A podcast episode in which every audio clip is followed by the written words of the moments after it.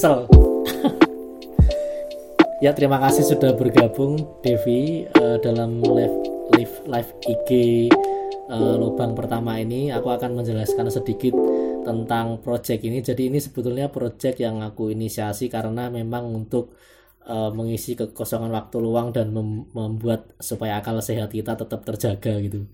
Karena di masa pandemi ini kan ada teman ngobrol itu menurutku menyehatkan sih dan mengapa lubang pertama? Karena sebelum karena berkaitan dengan proyek buku yang aku kerjakan sebelumnya yaitu yang menceritakan tentang bagaimana eh, hal-hal uh, yang impulsif itu ternyata juga membentuk perjalanan diri kita selain hal-hal yang rasional gitu kan. Nah sebelum kita ngomong plan feminisme mungkin Dewi bisa bercerita tentang dirinya dan aktivitasnya dulu. Sekarang lagi ngapain? Terus uh, kuliah di mana? Aku Devinta Denevi, biasa dipanggil Devi. Aku mahasiswa S1 Prasetya Mulia, jurusan branding.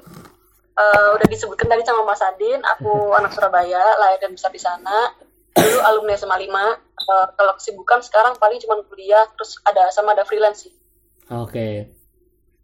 Nah, uh terkait dengan apa yang kamu lakukan dengan uh, plan feminism, kita kan penasaran itu apaan sih dan bagaimana kemudian uh, proses terbentuknya itu apakah kemudian ada pengalaman-pengalaman personal yang yang terjadi di kamu sehingga kayaknya publik perlu tahu ini juga gitu atau bagaimana tuh? Uh, aku cerita secara general aja ya biar nggak ada pihak-pihak yang merasa dirugikan gitu. ya kamu kan uh, bisa menyamarkan menyamarkan namanya juga nggak apa-apa. Karena aku sih pinginnya kalau ini ini kan juga direkam sebagai podcast. Itu juga damai Ya. Jadi aku itu tumbuh dan tumbuh dari inner circle kayak keluarga deket dan teman-teman deket itu yang alhamdulillah mayoritas tuh kayak menghargai perempuan gitu. Tapi begitu keluar dikit dari circle kecil aku, itu aku udah ngelihat banyak banget uh, orang-orang yang kayak apa ya, gak gak ngehargain wanita. Ada juga orang-orang yang terkekang dengan tuntutan sosial tentang laki-laki harus seperti apa, perempuan seperti apa. Jadinya kayak mereka nggak bisa ngerasain apa yang aku rasain selama ini gitu. Jadi uh, tujuanku pure ini kayak ya aku bersyukur banget sih aku udah dibesarin sama orang-orang yang hmm, percaya kalau semua gender itu setara. Terus aku dikasih kesempatan yang mungkin ada teman-teman yang nggak dikasih kesempatan yang sama kayak aku sebagai perempuan.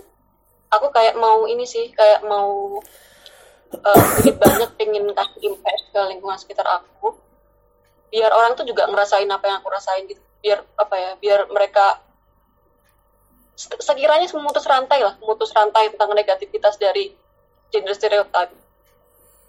Kalau aku dari dulu orangnya emang udah vokal sih. Kayak aku selalu ngomong tentang pendapatku tapi untuk uh, yang publik itu belum belum pernah yang publik banget gitu.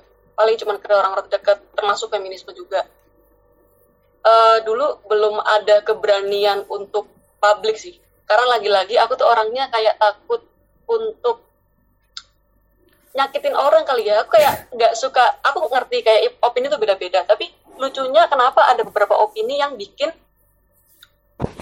orang tuh sakit hati gitu loh. Padahal kita opini secara general tapi kenapa ada orang-orang yang sakit hati? Maksudku aku nggak mau nyalain dia atau aku. Cuman ya aku nggak suka aja nyakitin orang. Cuman aku udah tumbuh dewasa aku udah merasa bahwa wah teman-temanku udah pada nunjukin siapa sih dia sebenarnya. Terus apa yang aku tunggu sih? Kayak kenapa aku nggak kenapa aku nggak nunjukin diri aku sebenarnya? Kenapa aku nggak nunjukin ya udah ini aku gitu loh. Lagian eh, nggak uh, kita tuh nggak bakal bisa senengin semua orang. Jadi kita harus pilih orang yang bisa kita senengin okay. terus, terus, terus. dulu SMA aku pertama kali SMA SMA tuh pernah join sejenis grup feminisme gitu. Inisiatornya aku suka banget sama cara dia kritisin hal dan lain-lain. Cuman grup feminisme yang aku pernah join pada pas SMA ini agak aneh sih. Karena judulnya feminisme kan ya? Hmm. judulnya feminisme tapi yang dibahas sehari-hari itu malah bahas uh, eh, LGBT sama ungkapan kebencian pada Tuhan. Aku netral sama LGBT aku netral banget dan aku punya teman-teman yang kayak gitu juga dan aku respect sama mereka. Cuman yang aku kurang serak sama grup ini itu mereka itu apa ya kayak bahas itu doang gitu loh kayak aku nggak apa-apa. Aku nggak apa-apa kalau temanya misal emang emang kesetaraan gender ya fungsinya kesetaraan gender. Uh, bagi orang yang percaya ada dua gender atau 18 gender kan ada orang yang percaya 18 gender juga kan. Okay. itu nggak apa-apa. Gitu kayak kita belajar how to respect them. Tapi cukup di situ gitu loh. Kalau kalau memang tujuannya glorifying itu ada ada komunitasnya sendiri. Sedangkan mereka udah bahas itu mereka jelek-jelekin agama terus mereka tuh kayak sedikit banget bahas emansipasi wanita yang harusnya itu agak banyak lah dibahas ya kan jadi uh, di situ aku ngerasa jadi outsider sih soalnya aku aku bilang aku nggak alim banget ya cuman kalau tiap hari bahasa jelek-jelek itu kan aku jadi kayak Iya gak mungkin dong aku ngata-ngatain Tuhan gitu orang itu juga masih beragama. Terus Halo, terus kayak. Banyak juga yang uh, di Tautan juga bilang kalau feminisme itu itu alatnya LGBT, feminisme itu kafirisasi gitu. Aku apa sih gitu?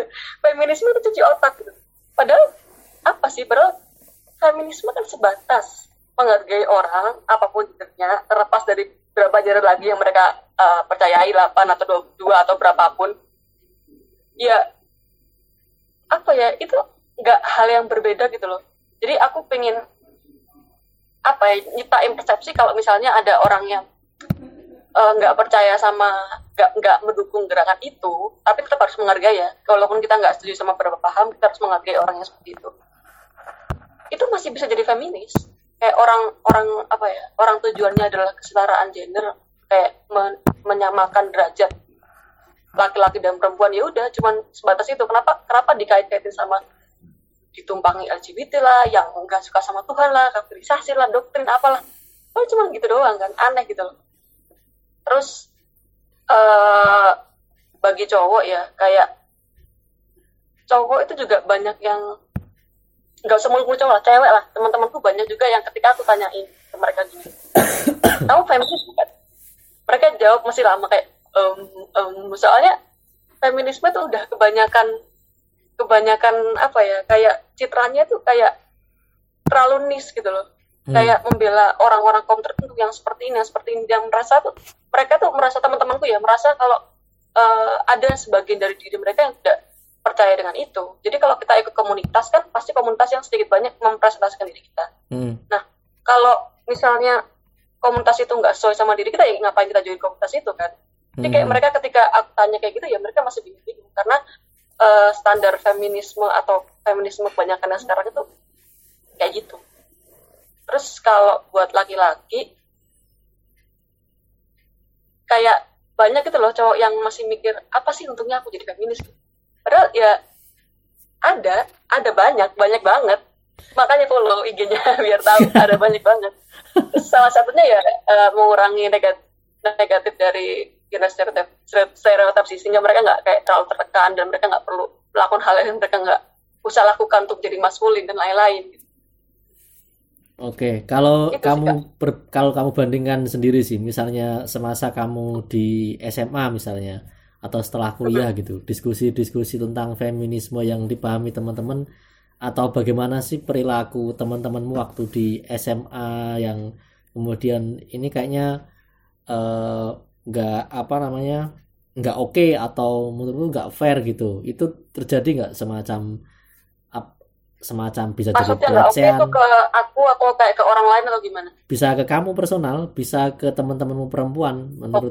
Okay kalau pelecehan seksual kayaknya sekecil apa pun ya itu sebenarnya hal hal kita tuh terlalu banyak menurut aku ya. Kita tuh terlalu banyak masyarakat sekarang terlalu banyak menoleransi pelecehan seksual sih gimana kayak itu?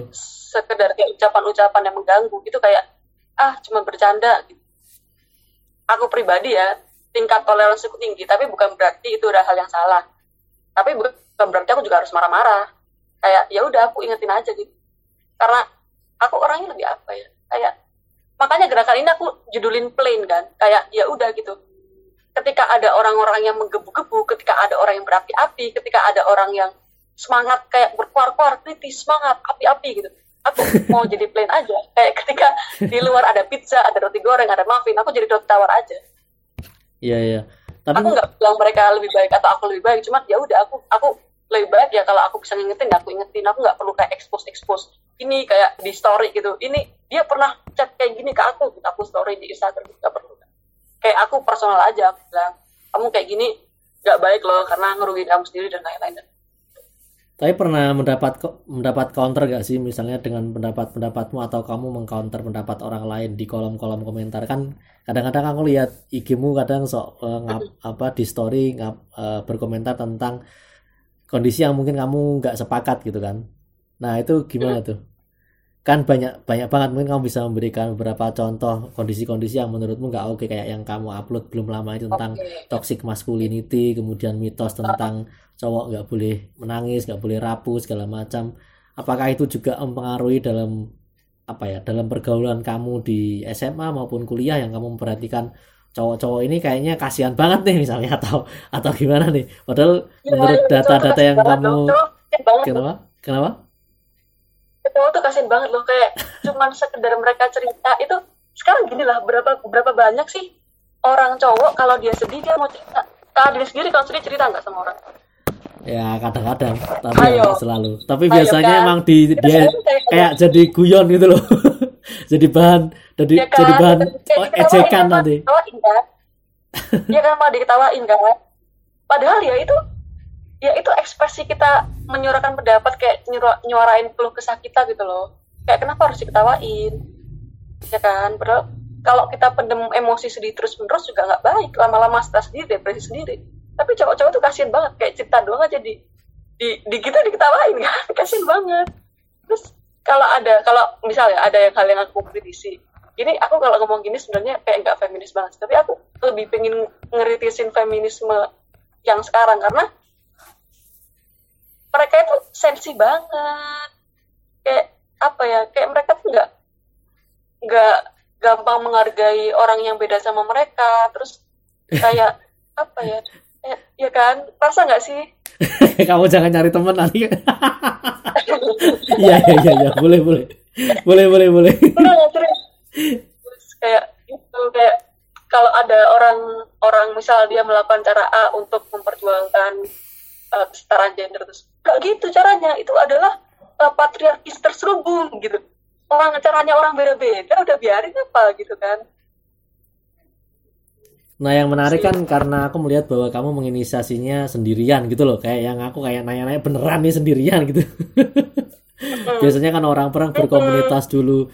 Nah itu bagaimana proses dialektika yang terjadi di dalam internal dirimu sendiri uh, melakukan riset, mengedit, kamu bisa menceritakan kesulitan-kesulitan itu nggak? Karena kan kamu pasti nyari bahan tuh. Apa nih yang kira-kira yang lagi diomongin iya. orang ya, atau gimana tuh? Dan lucunya, dan lucunya di internet itu susah sebab cari yang aku pingin kayak yang aku pingin. Jadi kebanyakan aku mikir sendiri. Soalnya kayak misalnya keuntungan feminisme pasti di internet itu kayak memajukan wanita, mengapakan wanita, apakan wanita, apakan kayak semua wanita. Padahal nggak melulu itu gitu loh Hmm. Kayak misal aku juga cari kemarin tuh data kekerasan seksual laki-laki. Gak ada. Kayak jarang banget gitu. Ada pun itu kayak anak kecil padahal juga orang orang dewasa juga ada yang diperlakukan seperti itu. Aku juga uh, lihat di forum-forum online juga ada yang misalnya kayak ada ada tukang ojek terus dia uh, ngirim kayak GoFood gitu lah. Terus sama yang customer tuh kayak ditarik-tarik paksa kamarnya gitu loh. Masa sih? Itu kan juga pelajaran gitu. Jarang. Iya, iya serem kan, serem kan pelecehan sebenarnya banyak cuman orang yang kayak abang ojol ini dan mau mempublikasi itu sangat dikit sekali. Soalnya pasti bakal dibully lagi ujung-ujung kayak halo seneng aja lu seneng aja lu gitu. Padahal ya ya ya gimana ya? Masa apalagi orang udah beristri ya masa dia dia ngantri niat ngirim makanan niat kerja terus tiba-tiba disuruh masuk kamar kan? Pakai ditarik-tarik lagi. Kan serem banget cewek-cewek itu kan. Kayak aku sih ya aku kalau cari bahan itu mungkin aku jauh-jauh hari aku kayak udah nulis poin-poin. Jadi aku sampai minggu depan itu aku udah udah tahu kayak mau posting apa-apa aja. Tapi kayak untuk detailnya terus apanya itu kayak nggak tahu ya. Aku aku merasa aku tidak sempurna dan masih jauh dari kata sempurna di, di bahasa Indonesia. Jadi karena aku orang Surabaya dan aku selalu kebiasaan ngomong bahasa dialek Surabaya jadi bahasa Indonesia aku agak kacau menurut aku jadi ketika aku mau post kayak aku baca ulang-ulang ulang-ulang ulang-ulang ulang-ulang ulang-ulang. Terus kayak ini bener gak ini bener gak yang kayak takut salah bahasa gitu loh sampai orang tuh terimanya beda. Padahal yang aku tujuan tuh ini. Lagi-lagi aku nggak mau orang sakit hati sama opini aku. Maksudnya opini aku yang udah aku saring-saring aja masih ada orang yang baper apalagi nggak disaring kan. Gimana tuh sama ceritanya? gambar gambar. Iya gambar. Sama gambar juga. Jadi kan gambar ini kan aku bikin sendiri desain sendiri aku. Hmm kenapa aku desain sendiri karena aku ingin ambil tone-tone yang nggak femin nggak feminim tapi yang cukup plain jadi kayak pastel-pastel tapi nggak nunjukin kayak cewek banget gitu jadi gambarnya yeah, yeah, gambar yeah. sendiri Iya, iya sih. Aku lihat gambarnya juga kayak yang uh, main warna-warna yang muda, terus nggak ngejreng, terus Iya, iya, iya. Iya, nggak Ini kan nunjukin kayak plainnya tuh kan, kayak bukan hambar ya plain ya. Jadi kayak tanpa bumbu-bumbu yang kalau kita buka akun feminisme ya, biasanya kan kayak apa kayak ngejreng gitu kayak uh, belum apa tulisan tulisan apa gitu. Itu pengen kayak di kayak kartun aja lucu-lucu atau mungkin reaksi-reaksi keras itu muncul karena uh, perlindungan terhadap proses hukum kasus-kasus kekerasan seksual untuk perempuan tidak tidak cukup banyak uh, mendukung perempuan gitu ya? Atau gimana menurutmu? Kayak misalnya perkosaan itu kan mesti ada visum gitu kan. Terus nanti korban akan diperkosa dalam tanda kutip berkali-kali oleh penyidik karena pertanyaan karena harus dia nggak paham traumanya bagaimana.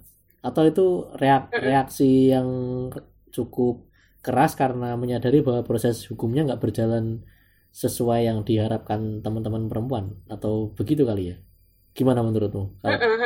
Setuju aku setuju. Kalau ya Indonesia mohon maaf bapak pemerintah. Cuman uh, proses hukumnya masih banyak celah sih. Jadi menurut aku kayak kita nggak bisa nggak bisa fokus itu aja karena secara overall menurut aku masih kayak kurang adil aja sih ininya. Jadi dan apa ya lagi-lagi kayak di masyarakat itu masih di dianggap sepele gitu loh. Aku nggak bahas perempuan doang lagi-lagi sorry aku nggak bahas perempuan doang yang namanya kekerasan seksual. Mengenai gender apa pun itu masih dianggap sepele orang-orang. Oke. Okay. ya aku paham kenapa kenapa kawan-kawan wanita saya kayak marah gitu. Aku juga marah sebagai cewek. Kenapa kenapa sih cewek sering digituin dan nggak ada uh, apa ya comfort comfort zone-nya? Ketika kita mengadu tapi yang diadu malah kayak gitu. Tapi itu nggak terjadi sama kita doang loh semua yeah. orang. Cowok juga kalau digituin juga malah lebih susah lagi daripada kita sebenarnya. Cuman kebetulan mungkin ya kayak banyakkan kita banyakkan kita yang melapor dan banyakkan kita yang diperlakukan seperti itu jadi kelihatannya seperti itu. Padahal menurut aku secara general masih belum sih untuk kekerasan seksual. Kayak masih apa ya masih ja, masih belum terlalu diserius sama aparat sih. Apalagi soal uh, konsen itu ya uh, yang yang batasannya konsen. sekarang yang sekarang batasannya mm -hmm. menjadi sangat sangat apa ya uh, sangat kadang-kadang yang melakukan tapi ronde kedua dia nggak mau dipaksa itu dianggap tidak konsen dan itu melakukan perkosaan gitu. Nah pasti masyarakat oh, masih nggak konsen dong, nggak konsen dong. Ya, kan maksudnya kayak mau. masyarakat, kan ya, masyarakat itu kayak akan menyalahkan si cewek gitu loh karena lah kamu gelem oh, iya, iya, gitu. iya. kamu mau gitu. iya, terus nah kayak kayak gitu kan kayak terus nanti ceweknya malah dianggap murahan atau apa gitu kan enggak iya, iya, terus banyak sih masalah kasus, baju aja sih. Yang kemarin masalah yang baju aja sih. Aku kadling kadling itu yang rame ngikutin nggak sering dianggap konsen. Iya iya iya. Apa? Yang kadling ya kan, open kadling itu loh aku, yang akhirnya. aku, kenapa? Yang open kadling itu loh terus akhirnya malah bablas itu loh terus akhirnya si ceweknya hmm. juga akhirnya malah disalah-salahin di netizen gitu. Nah kayak kayak gitu tuh. Uh, ya ya itu juga. Itu juga sih. Kayak ya pasti pasti itu bikin orang-orang marah. Kayak aku juga uh, sering banget lihat hal kayak gitu. Terus ya ya emang ya makanya ada feminisme buat itu sih. Jadi biar orang-orang tuh nggak nganggap kalau cewek tuh harus gini cewek tuh harus gini cewek tuh harus tapi kalau sepanjang pengalamanmu sendiri nih, uh, apakah perlakuan-perlakuan Jangan bahas masalah pribadi dong, Mas. Astagfirullah. Eh, bukan. Ini berangkat justru karena podcast ini tuh berharga karena kita ngomongin yang personal-personal. Kita tuh selalu berangkatnya dari yang okay, personal. Baik, baik, baik. Baru nanti diabstraksikan ke kasus-kasus yang lebih okay, besar baik. gitu loh maksudku.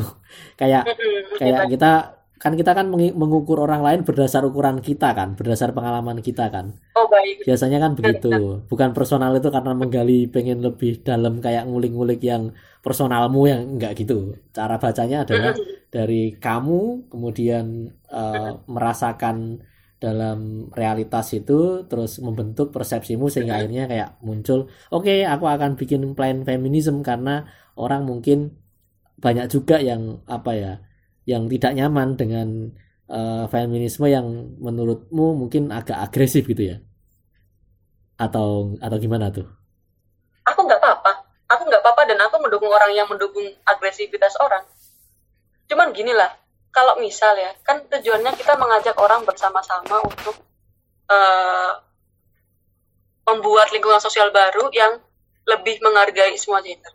Hmm. Nah, kalau kita nyala-nyalain satu pihak tertentu, bisa kita nyalain cowok terus, ya nggak bakal bisa orang disalah-salahin, tapi nggak dikasih tahu kayak dia nggak ngerasain juga gitu loh. Kalau kita kasih pendekatan dua arah atau setidaknya kita kasih apa ya contoh yang dia bakal relate juga, dia bakal ngerti juga. Paling nggak oh berarti temanku kayak gini tuh salah ya. Berarti aku harus kapan-kapan aku harus ngingetin temanku. Kayak gitu sih atau normalisasi Jadi aku yeah. sama orang yang agresif agresif kayak gitu ya. Emang emang harus marah.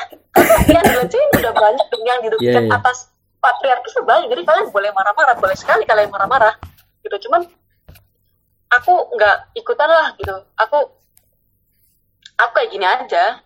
Iya yeah, yeah. atau ini? Kayak aku lebih ngajak aku ngajak cowok juga. Kan kayak dari kontenku juga kan aku nggak ini kan kayak nggak nunjukin cewek juga banget kan iya yeah, yeah. atau yang ini kayak ini sebenarnya kayak guyonan-guyonan di TikTok atau akun-akun populer yang kayak apa-apa hmm. pokoknya yang yang salah cowok apa yang salah cowok gitu-gitu loh itu kan sebetulnya nah, juga itu toxic femininity itu toxic nah femininity. gimana tuh menurutmu tuh besok dibahas Kok besok sih? Toxic femininity sih. Oh ini Soalnya pertama toxic masculinity terus ada toxic femininity. Kenapa? Yang sebelumnya toxic masculinity terus kamu mau bahas yang toxic femininity itu.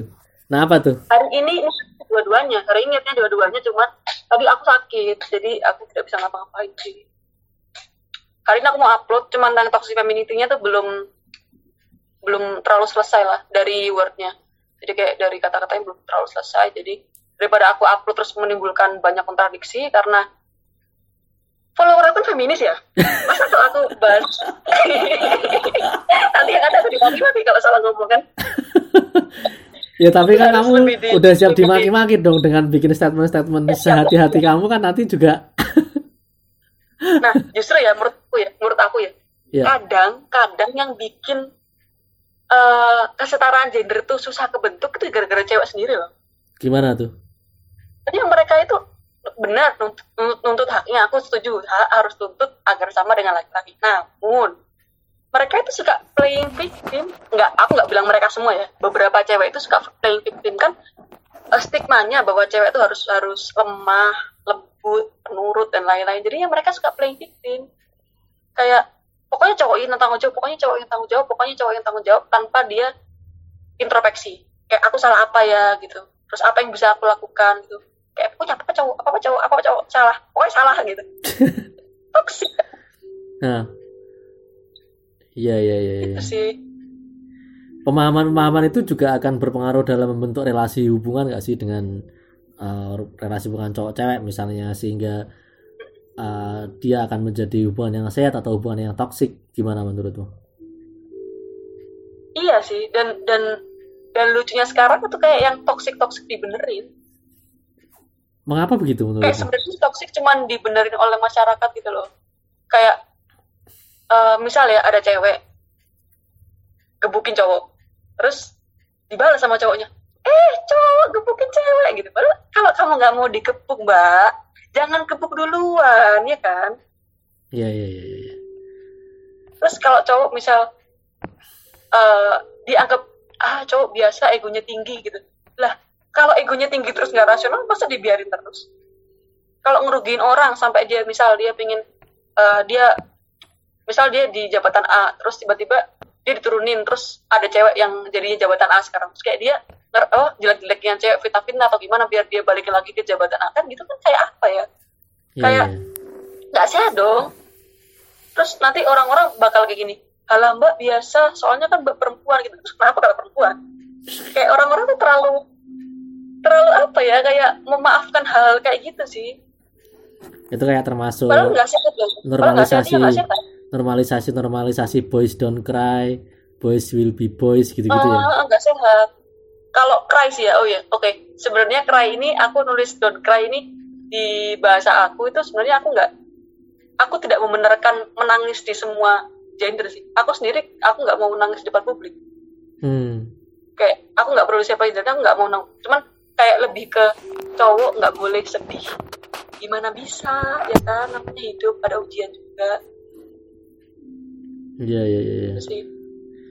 tapi selama kamu membuat uh, akun ini ada sudah ada yang pernah menyangga cukup ini nggak sih? Atau atau DM kamu? Atau oh ya aku sepakat nih oh, dengan betul, kamu. betul, DM kalau DM ya kalau DM itu masih banyak yang support. Tapi ada satu komentar yang di ini kalian yang live juga bisa cek juga. Ada satu komentar di bagian uh, ini kekerasan seksual pada laki-laki. Okay. itu lucu banget komentarnya jadi dia bilang kan aku bilang kan pemaksaan uh, jadi gini temen teman-temanku cowok itu banyak yang nggak bisa bedain uh, apa ya kayak mereka tuh nggak percaya gitu loh kalau kalau cowok itu bisa di bisa diperlakukan kekerasan seksual. Kayak mereka bilang enak dong malah gitu. Sekarang gini nah, ya, ya sebentar sekarang gini juga terjadi pada cewek. Kalau enak kalau enak namanya kekerasan oke. Okay. kalau ada bagian dari dia yang secara psikologis menolak itu namanya kekerasan. Kalau udah namanya enak dia enjoy namanya enjoy itu bukan kekerasan. Nah si komentar ini si orang yang komentarin ini tuh nyamain kekerasan seksual dengan mohon maaf preferensi seksual preferensi seks. Jadi kayak dia nyamain enak dong kalau dikerasin gitu pacar aku jenagi gitu lah. Ya ya ya, ya. kayak aneh banget jadi orang beda lah padahal. Aku udah tulis padahal kalau kalau oh yang kamu komentar itu kinky sama uh, kinky iya, fetis iya, sama itu dua hal yang berbeda kayak ya udahlah. Maafin aja gitu kan. Ya mau cek cek aja. Lucu banget. Iya yeah, iya. Yeah. tapi kalau proyeksinya sendiri proyekmu ini uh, apa nih? Goalnya apa nih? Uh... goalnya ya itu tadi. Aku aku nggak aku nggak punya goal, goal secara spesifik sih. Aku pengen kayak lebih nunjukin ke orang bahwa nggak semua feminisme itu yang jelek-jelek atau nggak semua femi ada loh feminisme yang merangkul semua orang. Maksudnya yang jelek-jelek gimana? Nih kalau didengerin ya. feminisme garis keras dihujat kamu nanti. Yang jelek-jelek itu jujur kalau kalau di Indo kalau di Indo itu masih agak benar masih benar benar benar menurut aku ya masih banyak yang benar tapi yang menurut aku yang agak menyimpang itu justru feminisme yang kayak di luar negeri itu banyak yang lebih ke misogini Oh. Aku nggak nyebutin akun gitu. Mungkin kalian juga follow juga yang feminis. Mungkin kalian juga follow juga. Mereka tuh banyak yang misogyni banget gitu loh akunnya. Terus kayak mereka tuh menolak objek objektifikasi cewek, tapi mereka objekin cowok. Kan nggak oh. seru tuh, kan maksudnya. Misalnya gimana tuh? Banget, Misalnya gimana tuh? Kayak apa? Uh, boys are apa ya? Boys are cool, but money are cooler gitu. Berarti kan dia nyamain cowok sama duit. Nah, nggak boleh itu kan kan itu dua hal yang berbeda punya pasangan sama punya duit itu dua hal yang berbeda pasangan itu bukan bukan sesuatu yang kamu taruh di dompet kamu dan kamu belanjain kan dua hal yang berbeda maksudnya nggak bisa disamai dong mereka menolak di objektifikasi kayak cewek cewek selama di objektifikasi tapi mereka sendiri kayak gitu hmm. aneh kan kayak teman-teman kalau ada yang mau nanya sama Devi nih menarik nih uh, memulai gerakan sendirian Nggak ini menurutku iya, yang paling iya. menarik itu sih karena aku sebenarnya tahu sih, aku tahu banget sih kalau ada yang ditemenin, cuman kayak mikir-mikir nggak tahu lah, aku masih belum belum mikir lagi sih. Kayak se sementara ini kayaknya aku lebih pengen rekrut pen tablet daripada rekrut orang buat gambar. Iya ya, soalnya, soalnya kan selama ini gambar pakai mouse terus kayak ah enakan gambar tangan lah kayak Soalnya kan emang nggak semua orang kemudian berani untuk menginisiasi sesuatu karena tadi kan kayak kamu iya, iya. hambatan-hambatan misalnya jangan-jangan gagasanku itu menggelikan, gagasanku itu nggak rasional atau malu-maluin gitu-gitu kan. Nah itu biasanya untuk nah, itu, satu itu mindset itu mindset yang aku sekarang masih punya dan perlu diubah sih. Kayak lagi-lagi kita nggak bisa nyenengin semua orang. Iya iya iya. Nah tapi kamu bagaimana ya, kemudian menakar bahwa oh ini kayaknya uh, bisa nih, ini enggak nih atau kan biasanya berapa lama sih untuk memutuskan satu isu kemudian? lama banget. Lama atau banget. kamu lihat trennya aku dulu? bikinnya kemarin bikinnya bikinnya misalnya hari ini sore. Terus malam aku baca lagi sebelum tidur. Sebelum tidur misalnya aku kirim ke ke pacar aku misal kirim ke pacar aku terus sama dia dibaca. Terus besoknya aku ganti lagi jadi kayak aku tuh aku tuh takut kayak persepsinya gimana gitu loh. Iya iya iya iya iya, iya. setidaknya tiga kali lah aku revisi kayak ini apa ini apa? Tapi kalau selama kuliah sendiri uh, yang kamu amati atau yang kamu pernah alami gitu itu sebetulnya membaik gak sih dari kondisi ketika waktu SMA atau uh, pergaulan-pergaulan di Surabaya maupun di Tangerang gitu misalnya? Apakah persepsi hmm. orang itu sebetulnya hampir hampir sama-sama aja gitu atau memang ada perubahan yang cukup signifikan dari lingkaran-lingkaran pergaulanmu itu? Aku nggak bisa jawab karena aku nggak punya data. Dari Tapi mana Dari mana Logika, kalau di logika, namanya anak SMA masih bocah, pasti perilakunya masih lebih nggak dipikir daripada orang-orang yang udah kuliah kan, daripada hmm. orang-orang yang di dunia profesional. Aku setuju sih banyak orang yang juga di dunia profesional yang masih kayak gitu, tapi paling nggak ada beberapa yang uh, lebih profesional beneran sih dibanding anak SMA yang masih SMA namanya masih SMA gitu kan. Masih bocah. Tapi kalau secara data konkret lebih baik mana terus lebih bener mana keadaan dulu sama sekarang gimana aku nggak tahu karena nggak punya data dan aku kamu jawab juga. Karena nggak ada data gimana cara aku jawab? Iya iya ya. kalau riset-riset sendiri tuh biasanya butuh berapa lama kan? Kamu aku lihat kan banyak uh, kayak data infografis dan uh, dan data-data jumlah gitu kan biasanya itu kamu risetnya by online doang ya atau gimana? By online, by online doang. Oke, teman-teman kalau ada yang mau nanya-nanya nih, plan feminism gitu. Tapi kalau misalnya dari dari sudut pandang pemikiran nih misalnya, kamu biasanya hmm. lebih cenderung kayak baca artikel-artikel publik atau misalnya kayak baca-baca teori-teori feminisme yang diajarkan di mata kuliah atau di uh, artikel-artikel ilmiah. Enak asik sih kalau di mata kuliah ada. Tapi di belum alhamdulillah. Nggak enaknya di mata kuliah belum ada. Kayak di Europe itu kan udah ada ya mata kuliah feminisme. Ya kalau di departemenmu mungkin yang belum ada, mungkin di departemen yang lain ada. Iya belum ada. Di iya, departemenmu belum ada. top 10. Kenapa? Ini Pak Tio tadi ini enggak sih? Enggak tadi kayaknya ada dosen aku join deh. kalau ada tolong lupa gitu. bilang ke Prasmul sudah ada mata feminisme ada ada mata kuliah feminisme ada emang cuma kan mungkin di iya, departemenmu yang ada belum dosen aku join maksudnya aku mau ngomong ke dia pak adain dong gitu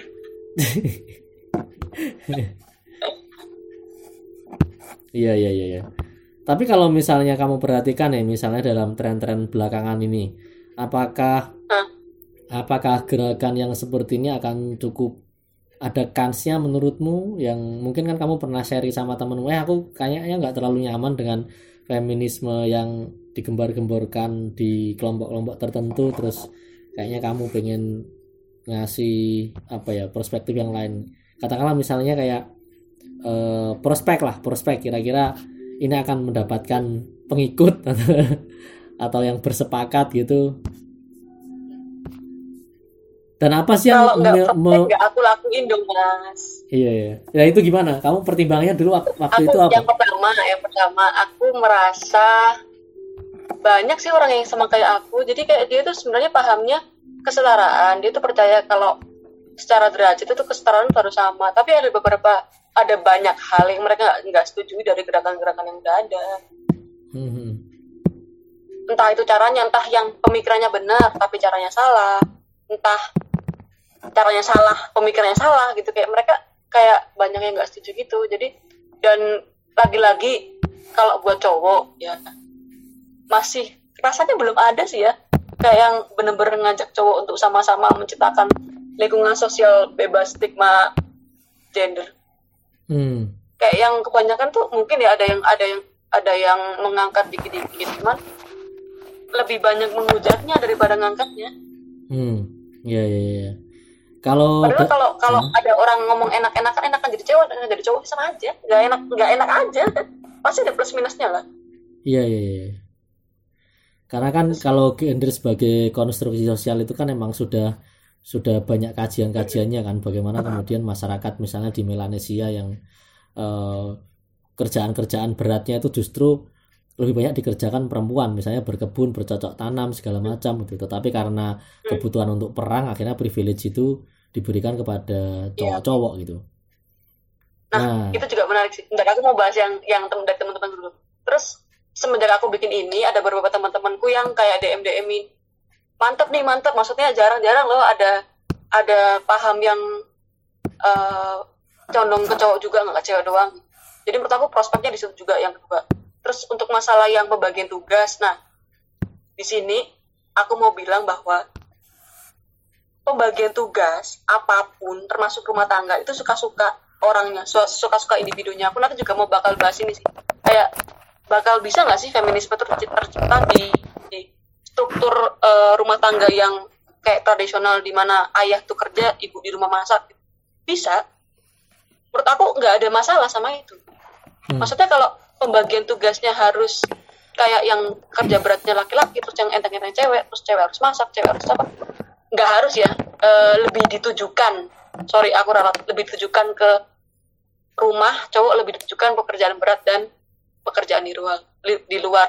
Hmm. itu menurut aku nggak masalah tapi bukan harus ya. Tapi harus digarisbawahi di sini adalah uh, bagaimana sih cara mereka memperlakukan satu sama lain? Ada nggak sih tuntutan kayak gini lah ya kan itu kan pembagian tugas rumah tangga. Namanya pembagian tugas. Kita nggak bernuntut dong. Kita anggap bahwa pasangan kita membantu kita dan kita membantu pasangan kita.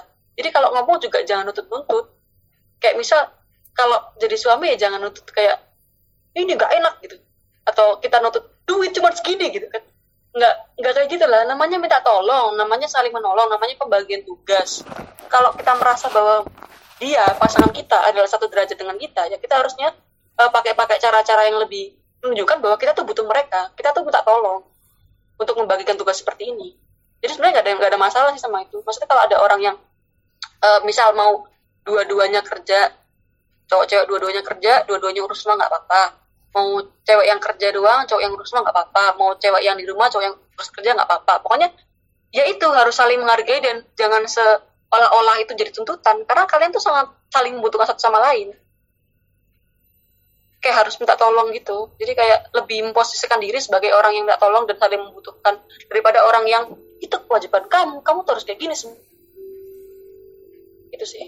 Jadi kalau menurutmu lagi ya kalau kalau misalnya untuk katakanlah membuat cewek lebih dihargai karena misalnya dianggap si cewek ini kadang-kadang kan karena dianggap bukan tulang punggung ekonomi kan akhirnya kayak semua tergantung pada cowoknya gitu karena menurutmu eh, yang ideal cewek juga punya pemasukan sendiri dong atau bagaimana untuk me membuat struktur itu seimbang gitu karena ada kasus misalnya di beberapa jaringan kampung misalnya yang aku kerja gitu ada hmm. juga cowok-cowok yang akhirnya malah merasa kayak terintimidasi bukan terintimidasi sih tapi sebetulnya karena sumber ekonomi itu kemudian lebih banyak dikuasai oleh perempuan karena misalnya itu berdagang warung kemudian eh, kebanyakan misalnya jualan eh, kelontong atau jualan makanan sehari-hari si cowok ini setiap hari misalnya membantu untuk misalnya berbelanja segala macam terus akhirnya di beberapa kesempatan mereka mengaku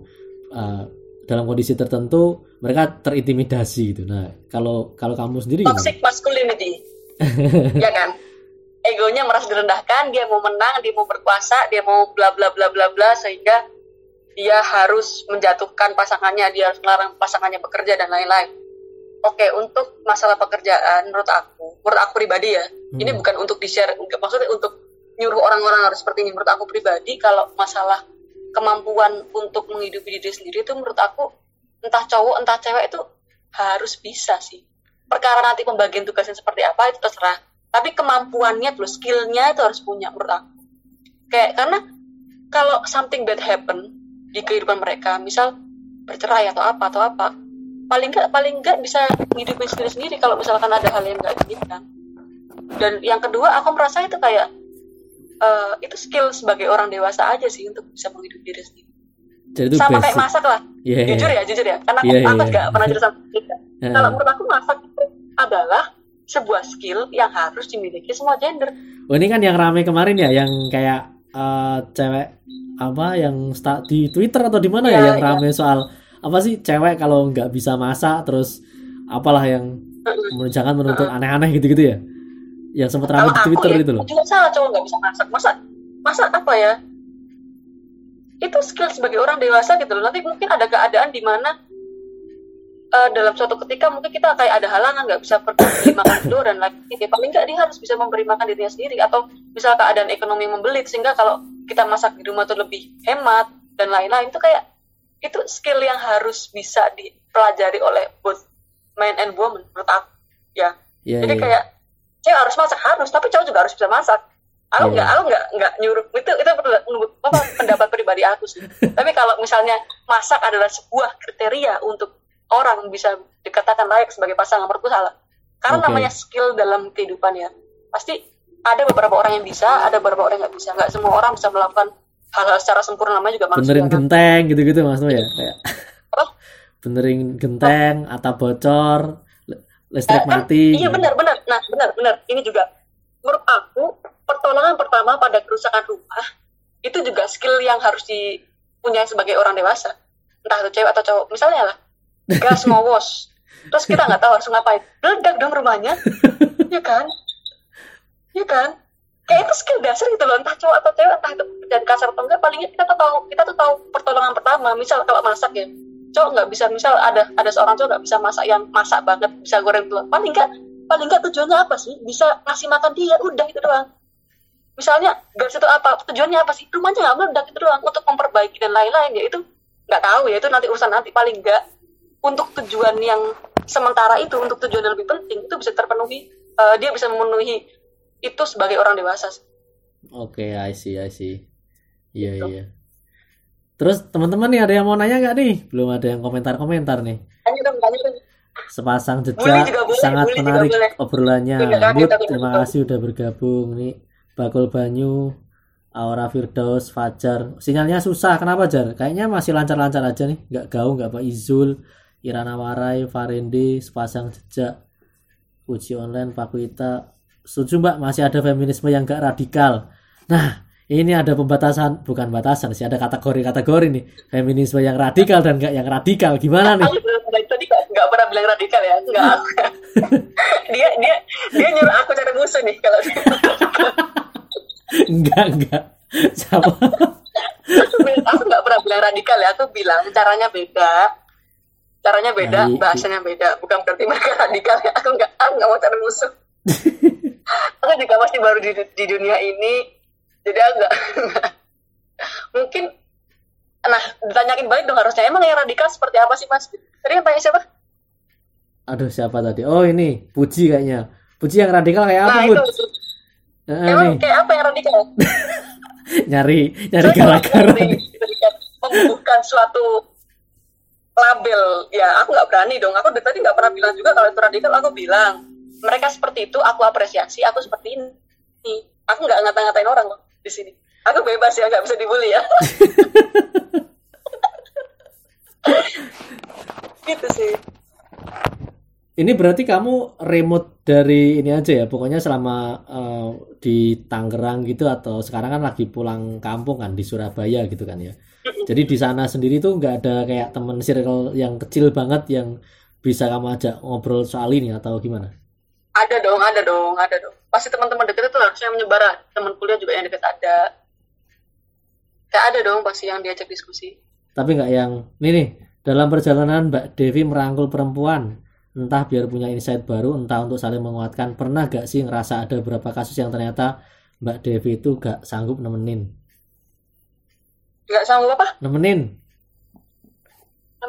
Nemenin mungkin kamu dia, dianggap sebagai advokat mengadvokasi gitu me memberikan masukan-masukan kepada temen yang aku kalau sama temen agresif sih ya. Maksudnya sampai mas benar-benar selesai aku bakal maki-maki tuh temen aku. Kayak belum selesai belum belum udah selesai belum udah selesai belum. Kalau udah selesai ya udah aku aku lepas. Kalau masalah kalau dia masih kayak nggak melakukan hal yang seharusnya dilakukan meskipun di sini dia korban ya ya pasti aku bakal temenin terus. Paling nggak paling nggak kalau masalah itu nggak selesai paling nggak sampai dia itu kayak berdamai sama dirinya sendiri nah karena lagi-lagi kan nggak nggak semua keinginan kita tuh bisa tercapai kan. Jadi paling misalnya gak, apa? Misalnya kasus apa nih yang bisa kamu sharing? Yang kasus konkret? Gak boleh lah mas. Eh kan nggak sebut nama. Oke okay. ini nanti kalau kalau anaknya lihat nanti marah dia. Enggak, ya, kan nggak usah nggak nyebut nama kan? artinya kan itu kan bisa. Uh apa? Kan kamu nggak nyebut nama dan nyebut inisial. Kan iya. kasus ini kan Sorry bisa ya, jadi aku, siapa pun. aku bahas ya. Bisa ada temanku yang merasa dia itu birthnya jadi rendah atau jadi berkurang cuman gara-gara dia nggak perawat oke. Okay. menurut aku aku marah-marahin dia. Dia nangis-nangis aku marah-marahin. Kenapa aku marah-marahin? Karena yang pertama aku tanyain dia kau masih bisa kuliah nggak? Masih. Masih bisa makan nggak? Masih. Masih bisa kerja nggak? Masih. Masih bisa berkarya berkarya? Bisa masih bisa jalan masih terus yang rendah dari mananya kayak orang dia masih bisa melakukan everyday life, dia masih bisa aktualisasi diri, dia masih bisa berkembang. Dari mananya yang bikin worth dia jadi rendah? Hmm. Kayak nggak ngefek apa-apa. Bahkan di hal seksual, misalnya kau masih nggak masih bisa nggak menikah dan apa ya misalnya uh, berhubungan lagi bisa orang nggak rusak maksudnya ya udah gitu loh apa yang apa yang digalauin nggak ada mungkin ada karena ketakutan ketakutan bahwa menikah harus stigma ya, lagi stigma sih ya, ya. lagi-lagi stigma kalau aku sih jujur ya kalau aku di posisi dia kalau aku di posisi dia ya hmm. ngapain sih perjuangin cowok yang nganggap nganggap kita kayak bareng oke okay.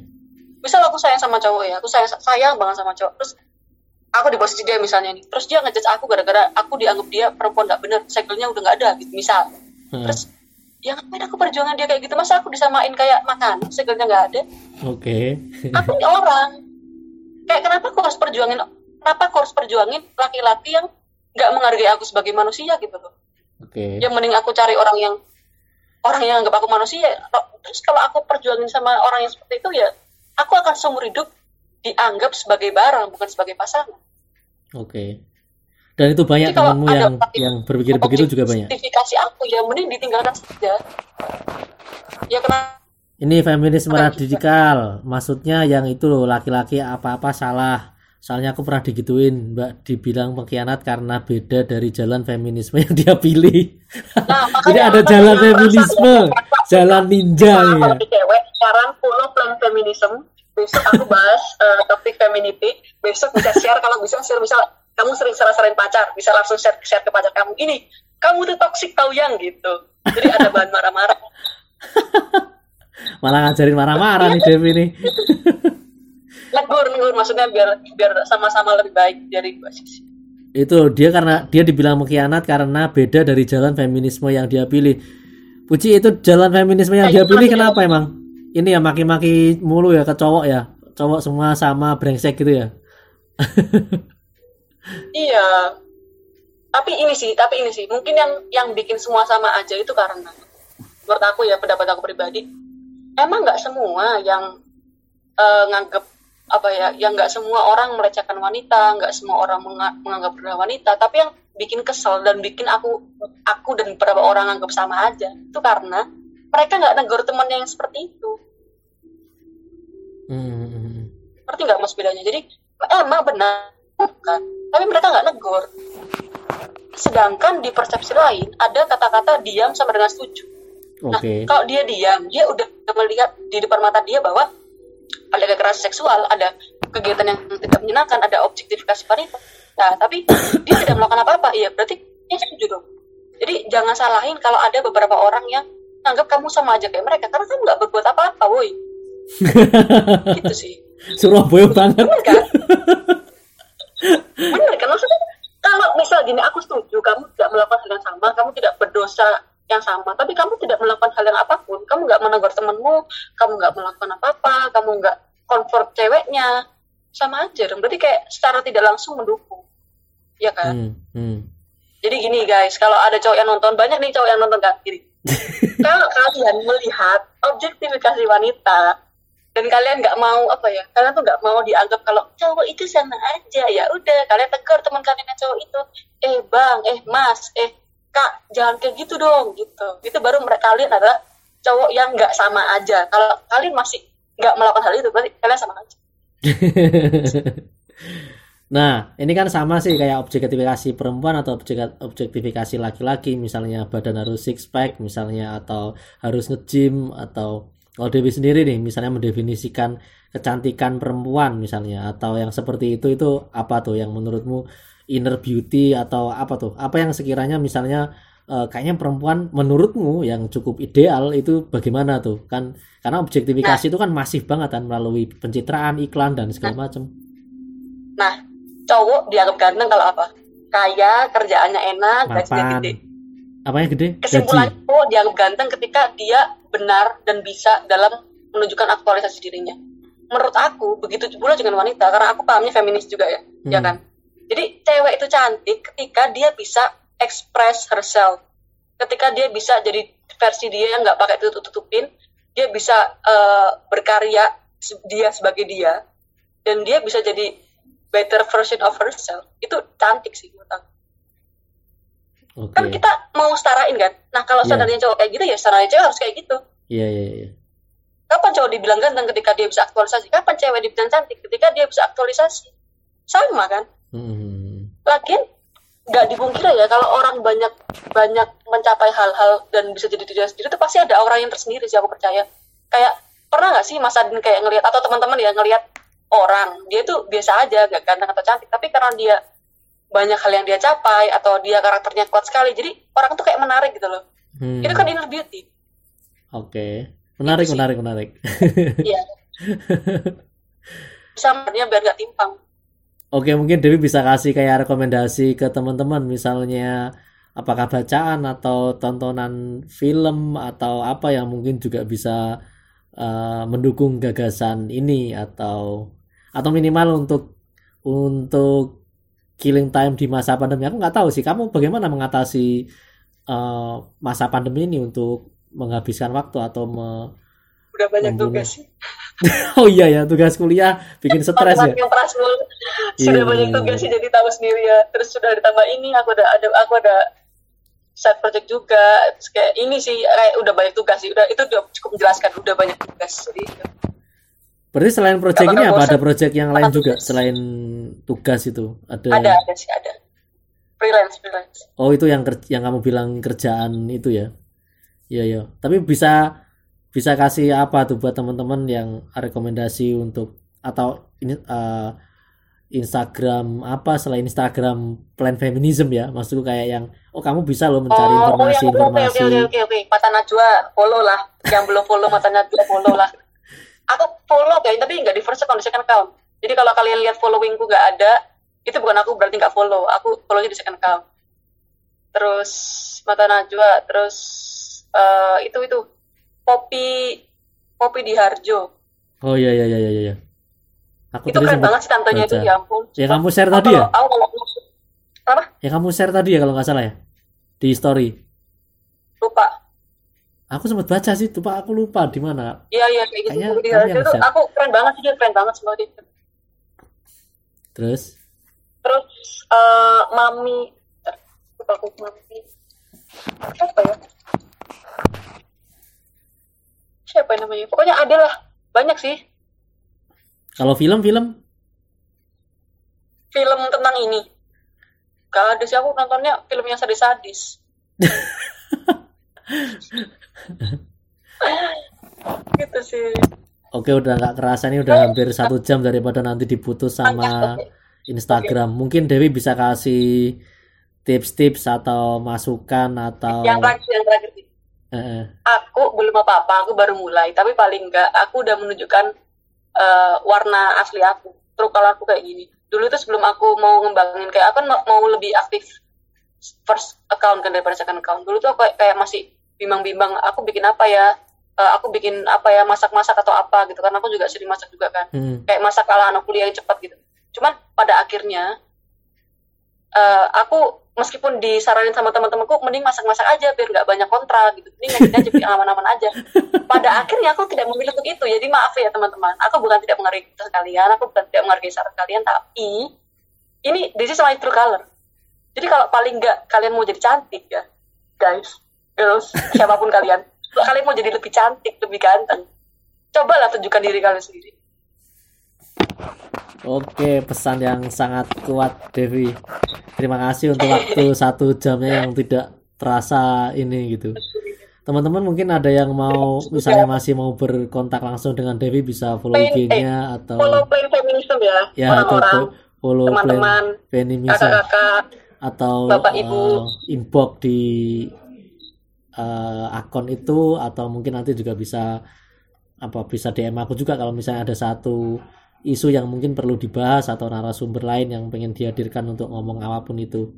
Oke Devi terima kasih telah bergabung dan aku minta izin nanti ini kan juga jadi konten untuk podcastku kan aku masih ngumpulin sih. Masih ngumpulin. Nanti akan di share dan aku akan ngasih tahu kamu kalau itu udah siap terima kasih sudah menemani kita semua dan teman-teman yang sudah bergabung selamat menunaikan ibadah puasa untuk besok Ya. Oke Devi, sampai ketemu lagi dan teman-teman uh, kita akan bertemu lagi hari Minggu akan ada live IG dengan uh, Garna Raditya dia dulu termasuk zin maker awal-awal di skena korban di Semarang dan sekarang lagi tinggal di Amerika dan kita akan banyak ngobrol soal itu. Selamat malam semuanya. Dadah Dewi. Bye bye. bye.